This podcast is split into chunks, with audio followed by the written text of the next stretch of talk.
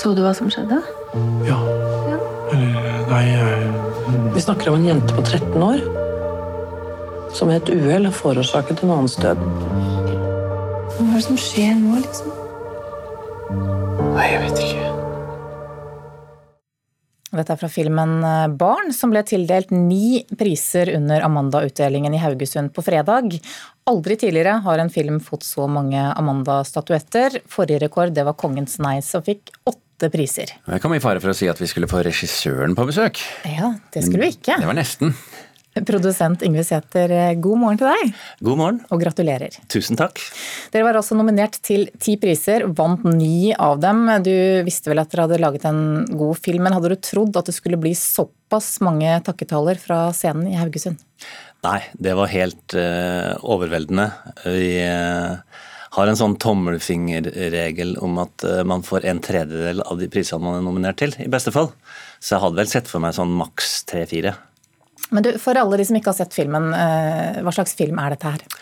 Nei, 'Barn' er jo en uh, film som uh, forsøker å gi et litt sånn der mangefasettert bilde av hva som skjer i etterdønningene av en uh, ulykke.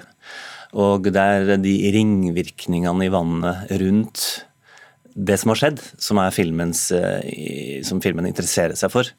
Eh, Så det er liksom hvordan eh, foreldre, familie, besteforeldre, lærere, alle forholder seg til det at en, en gutt av et uhell har mista livet under lek i skolegården. Og Det høres ut som en veldig sånn alvorlig film, og det er det jo også, men den er først og fremst ganske humoristisk og har et uh, empatisk blikk på det lille mennesket, som uh, jo Altså de fleste som filmen snakker om, er voksne. Filmen heter Barn. Og filmen viser hvordan vi på mange måter alltid har et barn inni oss, da, og at vi blir ganske eh, dysfunksjonelle i sånne sammenhenger hvor vi ikke vet hva vi skal gjøre. Hva er det med denne filmen da, tror du, som har gjort at dere fikk så mange priser? Nei, jeg tror nok at veldig mye må tilskrives eh, regissør og manusforfatter Dag Ann Haugerud. Han, eh, for det første, jeg mener at all god film starter med et veldig godt manus. Og han skriver veldig godt. Han er også romanforfatter, og han, eh, han skriver dialoger. Han skriver menneskelige situasjoner som føles veldig ekte og sann. Jeg tror det kanskje gjør at du kjenner at det her, det her har skjedd på ordentlig. At det er litt av grunnen til at filmen føles så rik. da. Eh, Bare 20 000 så filmen på kino da den gikk der. Det er jo et ganske lavt eh, tall. Eh, Er det litt ergerlig at ikke, så, at ikke flere har sett den? Ja, det er klart det. Vi ønsker jo det, at uh, filmen skal nå ut til flest mulig. Vi har jo tulla litt med det at uh, det kunne jo vært en TV-serie. Filmen er to og en halv time lang. Uh, den kunne ha vært delt opp i fire episoder, gått på NRK, og en million hadde sett det. For at det er kanskje mer sånt materiale som man føler lettere for å sette seg ned i stua og se på, og velge sjøl når man skal se det osv. Så, videre. så det er en veldig Jeg mener jo at det er, en veldig, det, er ikke en det er ikke en uh, eksklusiv film, den er veldig sånn folkelig og tilgjengelig. så Sånn sett så føles det jo veldig um, kjedelig at ikke flere har sett den, men, uh, men sånn er det. Vi, vi lager eh, den filmen vi synes er liksom best mulig. Eh, og så vet vi også det at eh, det er ikke lett å nå ut på kino med den type film. Det vet vi. Men også fordi det kanskje er et, eh, en, en stor grad av alvor der, selv om, selv om det også er humor og, og andre ting. Det er nok det. Jeg tror nok mange har liksom kvia seg litt for all, Mange har snakka med meg og sagt ja, den skal jeg se, liksom. Men uh, har bare ikke funnet tid til det. Og den kommer jo etter hvert tilgjengelig overalt på nettet, og på, den skal på NRK til slutt også. Sånn at folk får nok sett den uh, over et uh, lengre tidsløp, men kanskje ikke de første tre månedene når den går på kino. Ok, jeg må bare spørre, Hvilken av disse ni prisene er du, er du mest fornøyd med? Er det klart det å vinne for beste kinofilm, det veier tungt. Eh, Det, det skjer ikke så ofte, men det er, nok, det er nok kombinasjonen av alle, og at så mange fagfunksjoner har blitt sett, det varmer også. Så vil jeg da bare helt på tampen si at nå er det jo veldig stor interesse fra en del kinoer i Norge om å sette noe på nytt. Så vi håper at det skjer i løpet av uka. Ok, Takk skal du ha, produsent Yngve Sæther. Plutselig tok livsveien en brå og blå, blå sving. Det er ganske mørkt her nå. Dette er en av dem som har uh, søkt et ekstraordinært uh, statens kunstnerstipend, som ble lyst ut i mai. Bjørn Eidsvåg uh, med sin nye låt 'Kan det snu'. Eh, kulturreporter Heder Bech Eliassen, eh, han er ikke alene. Han er ikke alene. Bjørn Eidsvåg, Emilie Nicolas, Onkel P, Cezinando, Jon Olav Nilsen, Pål Monne Knutsen Jeg kan navnene ramse opp eh, mange. Det er mange artister som har søkt. Eh, hele 3700 i norsk kulturliv har søkt på dette korona-kunstnerstipendet. Ja, da er jeg veldig glad for at du ikke ramser opp alle sammen. Eh, eh, 3700, hvor mange kan få? Det er eh, kun 700, og det er én av da fem. Det er hele 70 millioner kroner som er øremerket ordningen, og da er det sånn at hver artist, eller den som får, får 100 000 kroner. Mm. Eh, hva er årsaken til at det er så mange som har søkt eh, denne støttepakken? Jeg kan komme med et eksempel. Bjørn Eidsvåg han sier at han søker pga. et radikalt inntektstap i en periode hvor han finansierer et nytt album. Dette sa han til da NTB.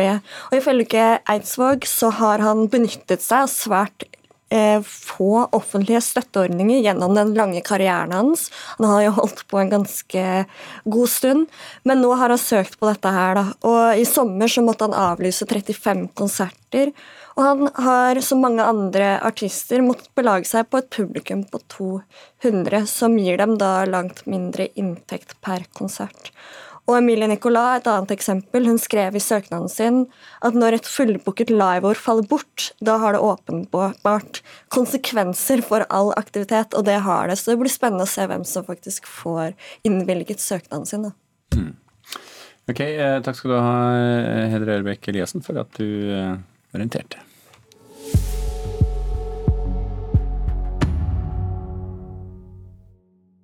Det er sjelden en norsk debutant når de store salgstallene, men for to år siden ble boka 'Tante Ulrikkes vei' av Seshan Shakar den nest mest solgte boken det året, bare slått av 'Snøsøsteren' av Maja Lunde. Nå foreligger roman nummer to, den heter ganske enkelt 'Gul bok'. Forrige roman den utspilte seg i drabantbyen Stovner. Og Knut Hoem, du har lest boken, hvor tar Shakar oss med denne gangen? Jo, vi er jo fortsatt i hovedstaden, men eh, vi forflytter oss litt eh, grann eh, sørover til Haugenstua. Der BI-studenten Mani har bor sammen med faren sin i en liten leilighet. Men vi skal også til nabobyen, nabobydelen Høybråten, der kjæresten hans Mena bor i en enebolig. I en litt bedre stilt tilværelse.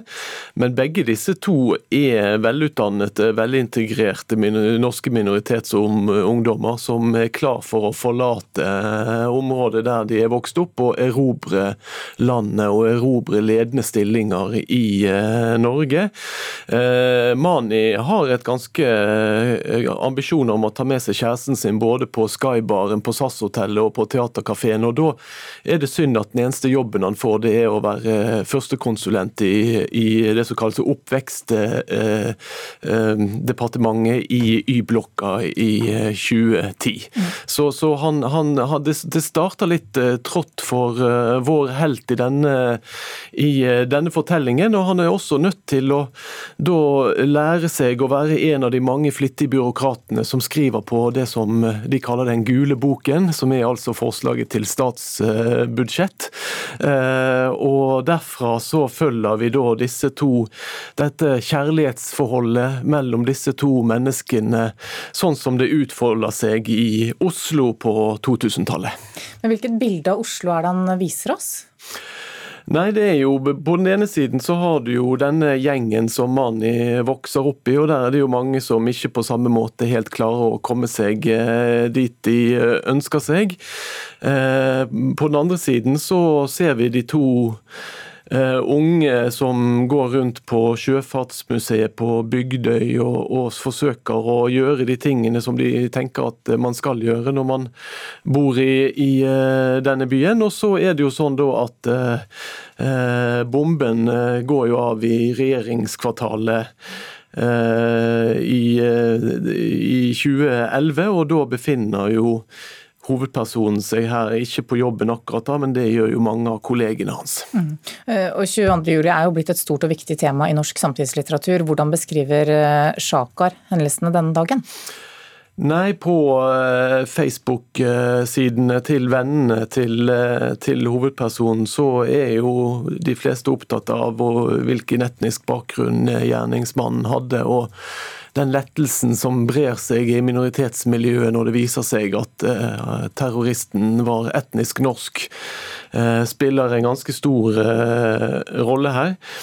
Det er hele tiden en sånn spenning i denne romanen mellom mellom det å være fremmed og det å, å, være kjent. og Det å kjenne byen fra innsiden og samtidig oppleve seg som en som en eh, fremmed fugl. Og Seshan Shaka gjør også utrolig mye morsomt ut av eh, dette her språket som er, som er i, eh, i, det norske byråkratiet. Hvordan de snakker og hvordan det blir forventet at man skal snakke. Og så skjer det jo i og med terrorangrepet så er, ser man jo hvordan bomben får hele det byråkratiske apparatet til bokstavelig talt å, å, bli spredt for alle vinner, og Man skal da forsøke å etablere seg igjen på nye kontorplasser et uh, annet sted. og Da er jo da altså uh, Mani en av dem som skal forsøke å få det til på nytt. Debuten 'Tante Ulrikkes vei' var jo en knallsuksess. Den har også blitt teater. Kommer denne boken til å ha tilsvarende appell? Ja, Sechan Shaka har en sånn eh, egen evne til å vise oss hendelser som har preget oss eh, det siste tiåret. Og Gul bok er helt klart en bok som eh, inneholder scener som viser hovedstadens historie på samme måte som Carpe Diem, rappgruppen, har beskrevet i musikken, og Joakim Trier har vist det i filmer. Ok, takk skal du ha, Knut Hoem.